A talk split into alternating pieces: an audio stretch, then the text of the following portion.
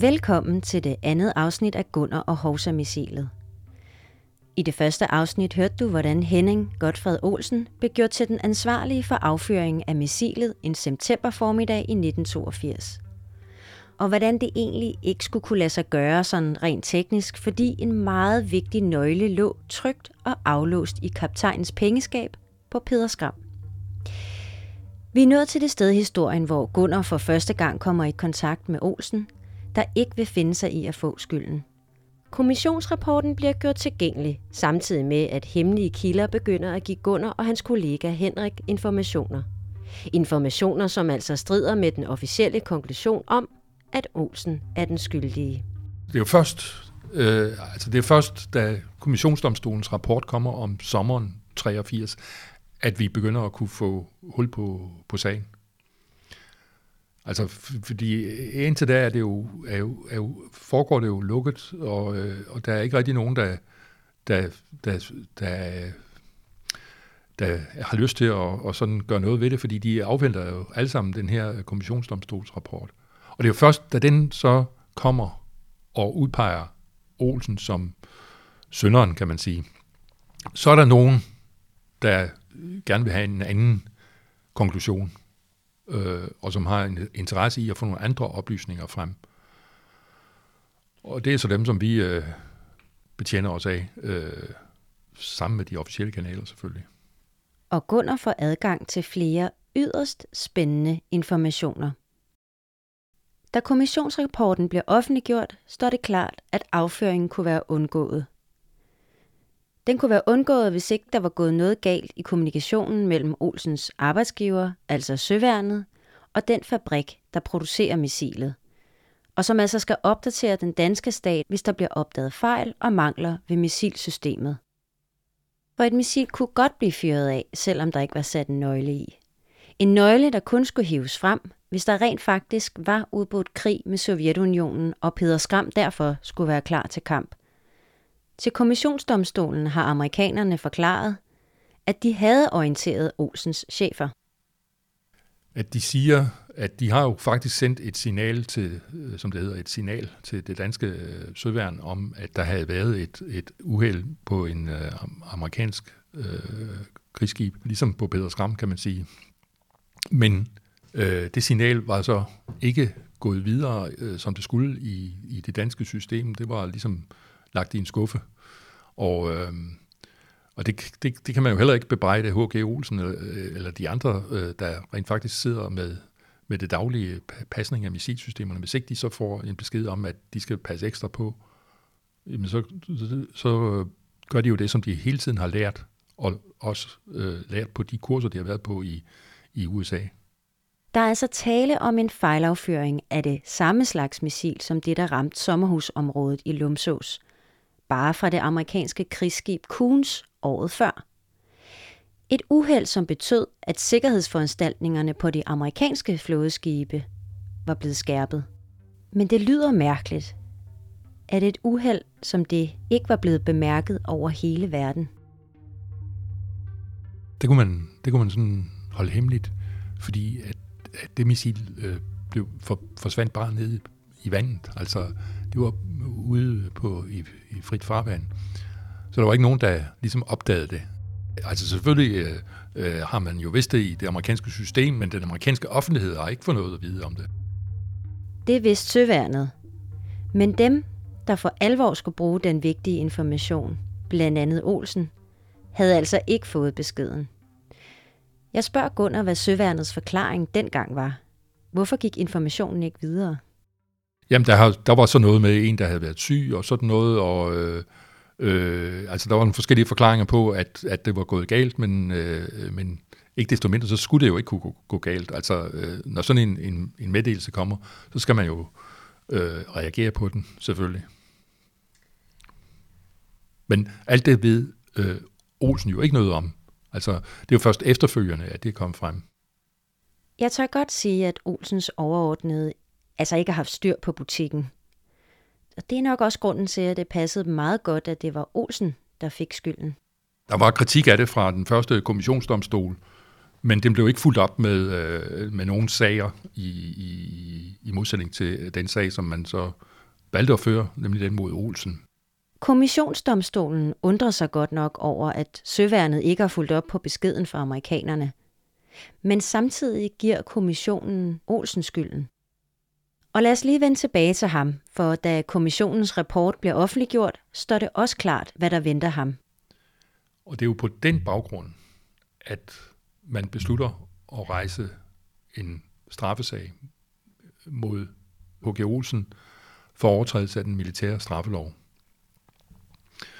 Øh, og i første omgang er det sådan et knudret anklageskrift, hvor, hvor det altså hvor hoved, hovedanklagen er, at, at det er ham, der er skyldig i at have fyret det der missil af. Den 54-årige overlovskaptajn bliver altså tiltalt ved byretten. Selvom man ved, at Olsens chefer ikke har givet ham essentiel information. Og hvis Olsen bliver dømt, kan det få alvorlige konsekvenser for ham. Den oprindelige øh, tiltale mod Olsen betød jo, at øh, Olsen kunne risikere en, øh, en, en frihedsstraf, øh, og måske øh, blive pålagt øh, at betale øh, noget erstatning for, for de skader, der var sket øh, i forbindelse med øh, uheld. Og det, øh, det var da klart med til at, at, at gøre sagen belastende for ham. Grunden til, at Gunnar siger den oprindelige tiltale, det skyldes, at den højst usædvanligt senere ændrer sig på baggrund af Gunners journalistiske arbejde.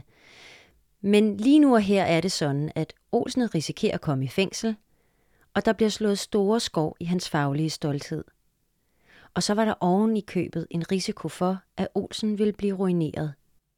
5 millioner kroner var der sket skade for i sommerhusområdet i Lumsås. Og det er altså ikke så lidt for en dansk overlovskaptajn i 80'erne. Eller for os andre i dag, for den sags skyld. Og imens sagen kører i Københavns Byret, får Olsen faktisk løbende tilbud fra Forsvarsministeriet, som ville gøre hans liv nemmere. For som vi har været inde på, så havde Søværnets ledelse heller ikke handlet ansvarsfuldt. Og det ville da være meget rart, hvis ikke lige det kom for bredt ud i offentligheden. Men Olsen kunne ikke købes, selvom det havde været bedst for ham, set i bagklodskabens klare lys. De forsøgte jo at sige til Olsen, at hvis nu du øh, øh, betaler en bøde, så er den sag ordnet, det er godt. Men Olsen gik jo ikke med til nogen af de her, øh, selv da det begyndte at komme ned på en, en beskeden bødestørrelse i, i de tilbud, han fik. Altså det kan man så sige efterfølgende, det her er jo været helt klart bedre for ham, fordi at øh, så var han sluppet for hele det her øh, menageri. Men, øh, men der var han altså alligevel blevet så, kan man sige, sur på, på systemet, at, øh, at det ville han ikke finde sig i. I stedet valgte han at forsøge at få sandheden frem. Han ville ikke finde sig i det. Altså han har jo øh, en stærk retfærdighedssans, øh, som, som siger, at det kan ikke passe, at jeg skal bøde for noget, som øh, jeg ikke bør bøde for. Og da Olsen blev udråbt som hovedansvarlig, blev han forvandlet fra en lojal officer til et rystet, kritisk individ, som for enhver pris vil afsløre sandheden. Jamen, det var jo tydeligt, at, at der var en mand, som, som følte, sig, altså følte sig udpeget som Søndebog på et fejlagtigt grundlag. Det er klart, at Olsen selv jo havde en interesse i at få en anden sandhed frem, end, end den, som fremgik af kommissionsdomstolens rapport. Men det samme havde jo Olsens øh, kolleger, øh, altså andre, der havde, øh, var impliceret i det her med øh, missiler. Og øh, øh, mange af dem, som havde været med på Peder Skram, da uheldet skete, og som jo måske havde fået en anden opfattelse øh, øh, ud fra de meldinger, der var kommet højere sted fra.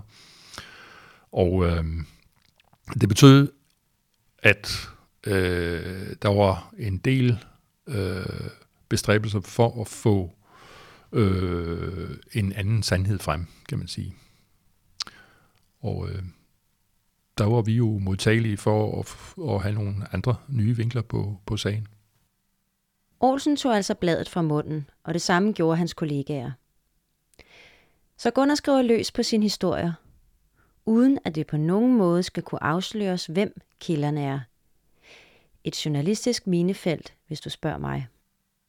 Det er det, altså fordi at øh, øh, en del af de øh, informationer, vi fik, fik vi jo under på øh, betingelse af, at vi ikke fortalte, hvor vi havde dem fra. Øh, og det er jo altid øh, en svær ting, og, og fordi hvad, hvad kunne vi så stole på, og, øh, og hvad, hvad kunne vi finde af anden dokumentation og sådan noget. Så det var jo hele tiden en afvejning. Hvilken grad af, af sandhedsværdi er der øh, her? Og men skal vi jo passe på øh, med at, at, at fortælle noget, som hvor det er for oplagt, øh, hvor oplysningen kommer fra. Øh, der, der benytter vi også nogle gange af også at, at få, øh, få øh, rejst øh, spørgsmål i Folketinget. Altså, øh, vi havde, øh, vi havde en, øh, en trofast øh, spørger, Pelle Fuchs fra SF, som, som øh, gerne, om så må sige, stillede sig til rådighed som, som spørger.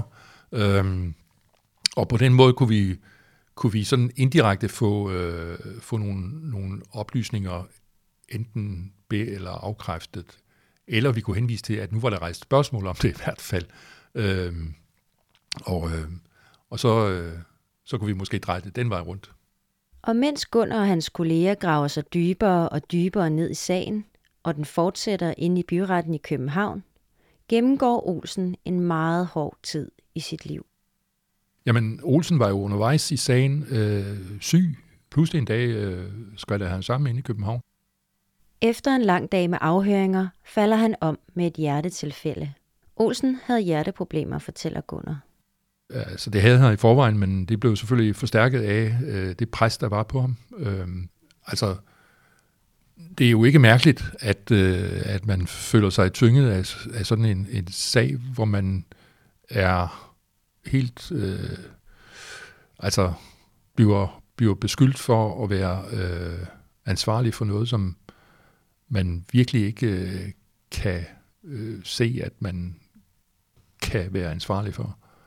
Og, øh, og dertil kommer så, at, øh, man, at Olsen øh, også oplevede en, et svigt øh, fra sin øh, forsatte, øh, som jo nærmest, kan man sige, har kastet ham under bussen. Altså, øh, og øh, stillet sig vældig tilfreds med, at øh, fokus var på Olsen i stedet for øh, på, om der måske var sket nogle fejl højere op i systemet. Og på det her tidspunkt, da det så værst ud for Olsen, fik Gunners kollega Henrik Thomsen fingre i Reimann-rapporten. Den rapport, som vi var kort inde på i første afsnit. For i timerne lige efter uheldet i Lumsås, gik Mogens Reimann i gang med at undersøge sagen. Reimann-rapporten er jo lavet lige efter øh, uheldet på Peter Skram. Altså, øh, den daværende øh, marineauditør øh, Reimann var jo ombord på Peter Skram og øh, fik øh, forklaret, hvad, øh, hvad der var sket, og fik forvist øh, konsollen der, hvor Olsen havde stået og trykket 1, 2, 3, 1, 2, 3 og så videre. Og Reimann var jo øh, helt med på, at øh, Olsen ikke kunne bebrejdes noget. Og så oven købet, så øh, har Reimann så været ombord på et, øh, et, øh, et amerikansk krigsskib, som tilfældigvis var i København, og der fået forvist, at de havde en ekstra sikkerhed på deres system. Kun 14 dage efter uheldet, og altså lang tid før, at Olsen var på tiltalebænken, havde Reimann set en rød knap på det amerikanske skib. Amerikanerne forklarede Reimann, da han var ombord, at det var en ekstra sikkerhedsforanstaltning. Hvad Reimann eller nogen andre ikke var klar over på det her tidspunkt var, at den amerikanske flåde jo havde reageret på beskeden fra missilfabrikken. Beskeden om, at der var en fejl, der gjorde, at et missil godt kunne blive fyret af uden nøglen i. I modsætning til det danske søværn. Det var jo en klar indikation af, at øh, den sikkerhed, der var på de danske øh, fartøjer, var ikke god nok efter amerikansk standard. Og sund fornuft siger jo, at hvis knappen er nødvendig på et amerikansk skib med det samme missilsystem, så er den også nødvendig på den danske frigat Peder Skram. Men i rapporten konkluderer Reimann altså, at der er tale om en teknisk fejl, og ingen, heller ikke Olsen, bliver gjort ansvarlige. Den rapport har altså eksisteret under hele det her forløb, men ingen i offentligheden har kendt til den. Og den var blevet totalt ignoreret i den første undersøgelsesgruppe, altså den gruppe, hvor både den amerikanske flåde og missilfabrikanten tog styringen. Og som vi allerede har været omkring, det var jo deres konklusion, som kommissionsdomstolen tog udgangspunkt i. Men hvorfor var Reimann ikke ind over, efter han havde lavet sin rapport? Så var rapporten måske blevet skænket mere opmærksomhed i hele sagen, og Reimann kunne være blevet afhørt i kommissionsdomstolen. Egentlig blev Reimann jo sat fra bestillingen, kan man sige, fordi han er på vej på pension. Og det er også derfor, at den ligesom kan forsvinde, øh, den her rapport. Fordi så har jeg jo ikke selv dertil at, at, at gøre opmærksom på den. Men rapporten bliver altså bragt frem i lyset, halvandet år efter uheldet, da Gunnar og hans kollega kan skrive historien i Holbæk Amts Venstreblad. Og så eksploderer det. Den her gang er det bare i overført betydning. Det, det, det var, det var der, den, den store øh, dramatiske vending i sagen, kan man sige. Og det kom sig jo så af, af de skriverier, som, som vi havde i, øh, i Venstrebladet, fordi at de blev refereret videre af, af andre medier, og, øh, og førte så altså til, at, at sagen blev rejst øh, politisk. Det er på det tidspunkt, at, øh, at den får landspolitisk opmærksomhed. Altså, øh, det, er jo, det er jo der, hvor, øh, hvor der lige pludselig opstår et øh, politisk flertal for at droppe sagen mod Olsen, så øh, Hans Engel må lande den ved at sige, jamen så, så nedsætter vi en ny kommissionsdomstol, og det stiller, stiller man sig så tilfreds med. Sagen i byretten bliver sat på pause, da kommission nummer to undersøger sagen.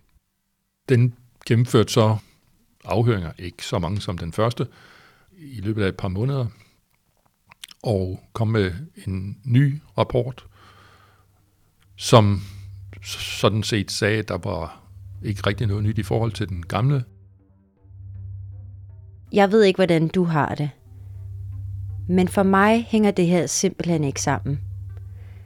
Hvorfor og hvordan når kommission nummer 2 frem til det samme som kommission nummer 1, når nu vi ved det, vi ved? Den skal ikke undersøge hele sagen igen. Den, den undersøger øh, nogle af de der øh, ting, der er kommet frem efterfølgende og sådan noget.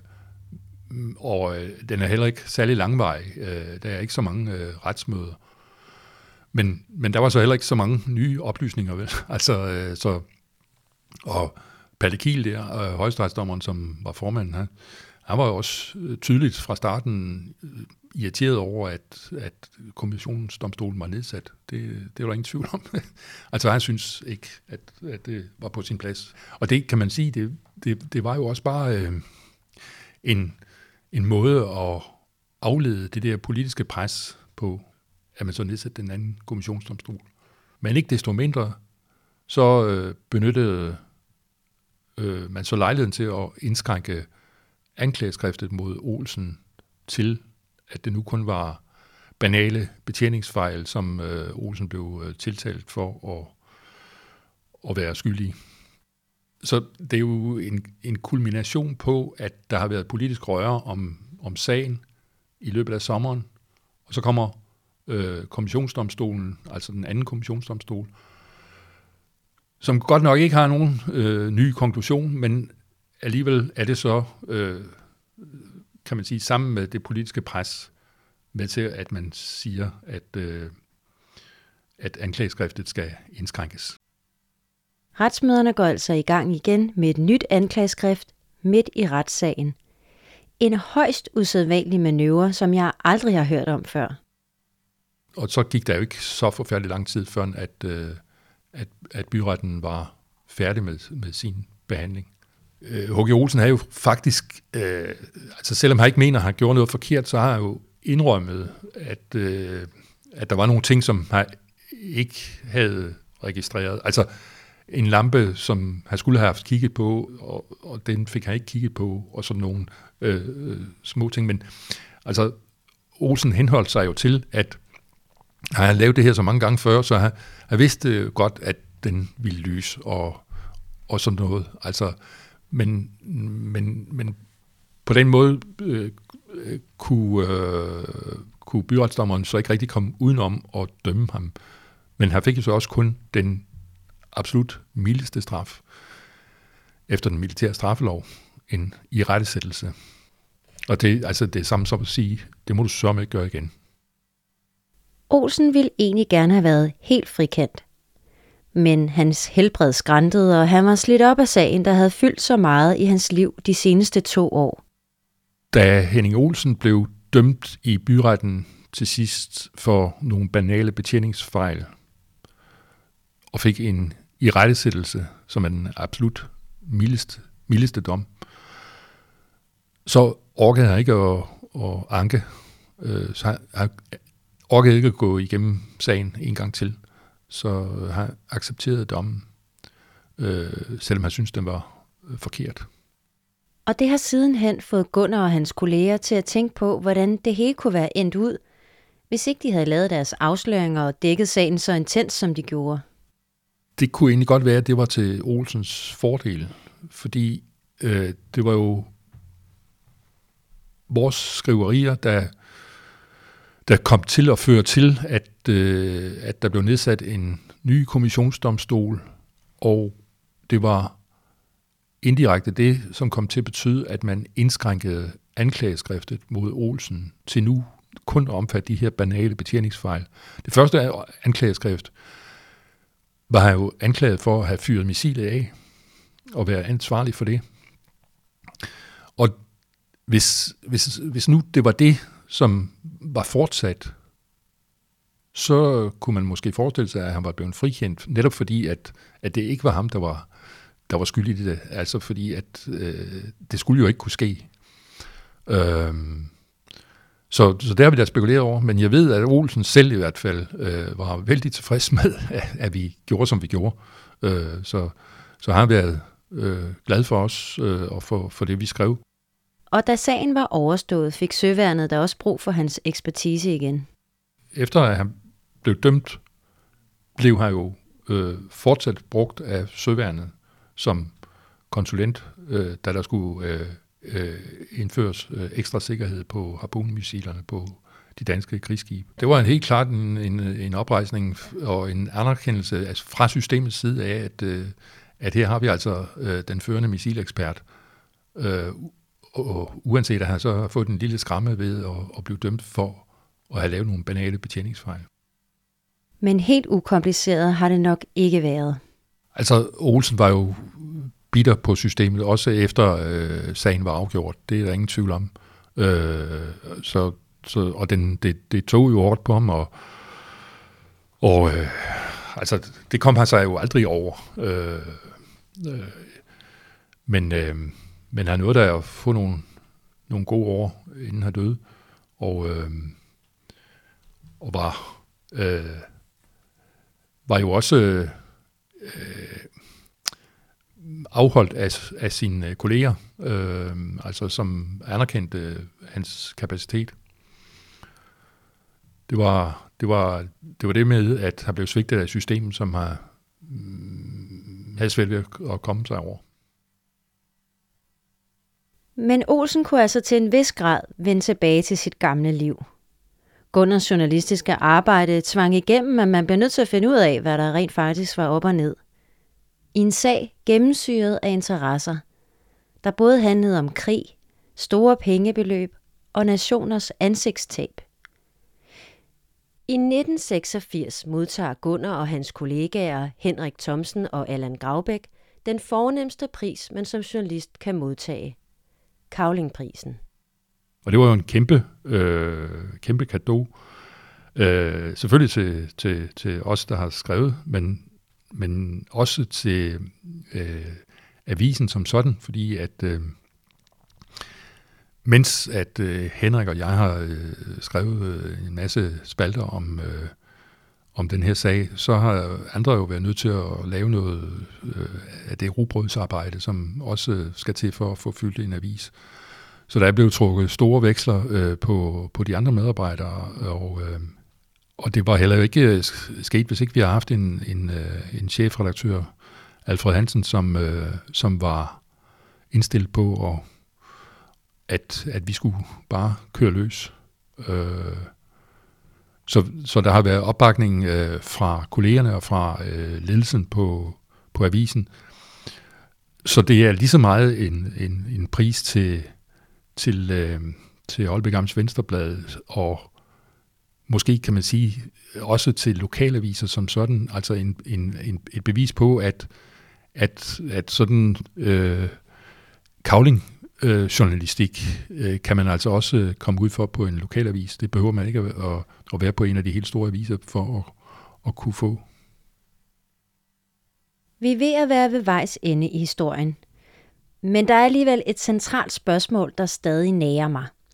For hvis Olsen kun blev dømt for banale betjeningsfejl og ikke for at have udløst missilet, hvem blev så gjort ansvarlig? For nu står det jo klart, at Olsen har været udsat for et slags komplot, eller i hvert fald været så uheldig, at alle andre involverede har haft enten en udtalt eller en stiltigende aftale om, at han skulle være den skyldige. Det må være sådan, at øh, man enten kan godt gøre, at der er en mand eller en dame, som har gjort noget forkert, som har ført til øh, uheld, eller at det materiel, man har, er behæftet med fejl. Og hvis det er det sidste, og det er det jo så faktisk i det her tilfælde, øh, så er det jo sådan, at når der er fejl på en, øh, en, øh, et teknisk aggregat, så kan man jo gøre øh, ansvar gældende over for producenten. Et års tid efter at Olsen blev dømt for banale betjeningsfejl, kommer det her spørgsmål netop op. Vi fik jo gjort øh, opmærksom på, at øh, nu var fristen for os øh, at, at lægge sag an imod øh, missilfabrikken ved at udløbe. Og så lagde den danske stat sag an mod øh, missilfabrikken McDonnell Douglas i øh, USA. Staten kræver, at McDonnell Douglas skal betale 30 millioner kroner i erstatning. Men sagen kommer aldrig for retten. Fordi at øh, man indgik et, øh, et forlig som betød, at McDonnell Douglas udbetalte en erstatning, en såkaldt goodwill-erstatning til den danske stat på cirka 5 millioner kroner, svarende til øh, de udgifter, der har været til at dække øh, ødelagte sommerhus øh, i øh, Lumshus. Men altså en meget vigtig del af forliget var, at, øh, at fabrikken ikke påtog sig noget ansvar for selve uheldet og affyringen. Så der er ikke nogen, der har påtaget sig ansvaret. Øh, og det, det, øh, er jo, det står tilbage som en, en, en mærkelig ting, at, øh, at det ikke har kunnet lade sig gøre. Men det er jo en kæmpe øh, ma- maskine at være op imod øh, det amerikanske øh, våbenindustri. Og, øh, og der har øh, de, de advokater, som øh, den danske stat har haft jo nok resoneret, at, at det ville blive for, for vanskeligt at, at komme igennem. Men resultatet er så, at, at det som jo i virkeligheden er tilfældet, nemlig at der var en, en designmæssig svaghed i, i øh, harpunmissilsystemet, som gjorde, at fejlen kunne ske, at, at det, det har de ikke øh, måttet øh, stå til ansvar for. Det, det har de sluppet ved at betale de der 5 millioner. Men det er, har åbenbart været svært for, øh, den amerika- øh, for den danske stat at være op imod øh, den amerikanske våbenindustri. Så derfor er det jo aldrig blevet, øh, blevet til noget med at få placeret ansvaret. Det, det ærgerlige ved sagen, det er jo, at øh, selvom man kan sige, at, at Olsen gik fri, øh, altså at det ikke lykkedes at få ham gjort til den syndebuk, som man ville gøre ham til fra starten, øh, så, så lykkedes det heller ikke at få øh, den amerikanske fabrik dømt. Altså det vil, det vil sige, øh, der var ikke nogen, der blev gjort ansvarlig for det uheld, der skete. Og det kan måske forklare, hvordan folk husker tilbage på sagen her 40 år efter, og hvorfor Hovsa-missilet stadig hænger ved. Øh, det, der står tilbage hos øh, folk i almindelighed, det er, at når der var der noget med ham Olsen, der, der fyrede missilet af. Altså, så, så øh, øh, man kan sige, på den måde er det jo lykkedes øh, spin doktoren inde i, øh, i systemet og, og få det til at se ud som om, at det var, det var Olsens fejl, hvad det jo i virkeligheden ikke var. Det var, det var ikke en menneskelig fejl, det var en teknisk fejl. Så selvom Gunnar og hans kollegaer stadig gravede videre i sagen om Hovsa-missilet, er der altså stadig den dag i dag ingen, der officielt har påtaget sig skylden. Og øh, det er øh, mærkeligt, at øh, man kan opleve, at der, der sker et, en, et uheld, som koster øh, st- store skader, altså skader for 5 millioner kroner. Og øh, det, det er tydeligt, at, der, at det er et, et fejlaffyret missil fra øh, fregatten Peder Skram, der er årsagen. Men hvem der har ansvaret for, at det øh, missil er blevet fyret af, det er aldrig blevet fastlagt. Du har lyttet til Gunnar og Hovsa-missilet, en podcast af SNDK. Mit navn er Anna Hjortsø, og jeg håber, at du kan lide, hvad du har hørt. Fortæl gerne dine venner og familie, at de kan lytte til historien i deres foretrukne podcast-app. Vi lyttes ved.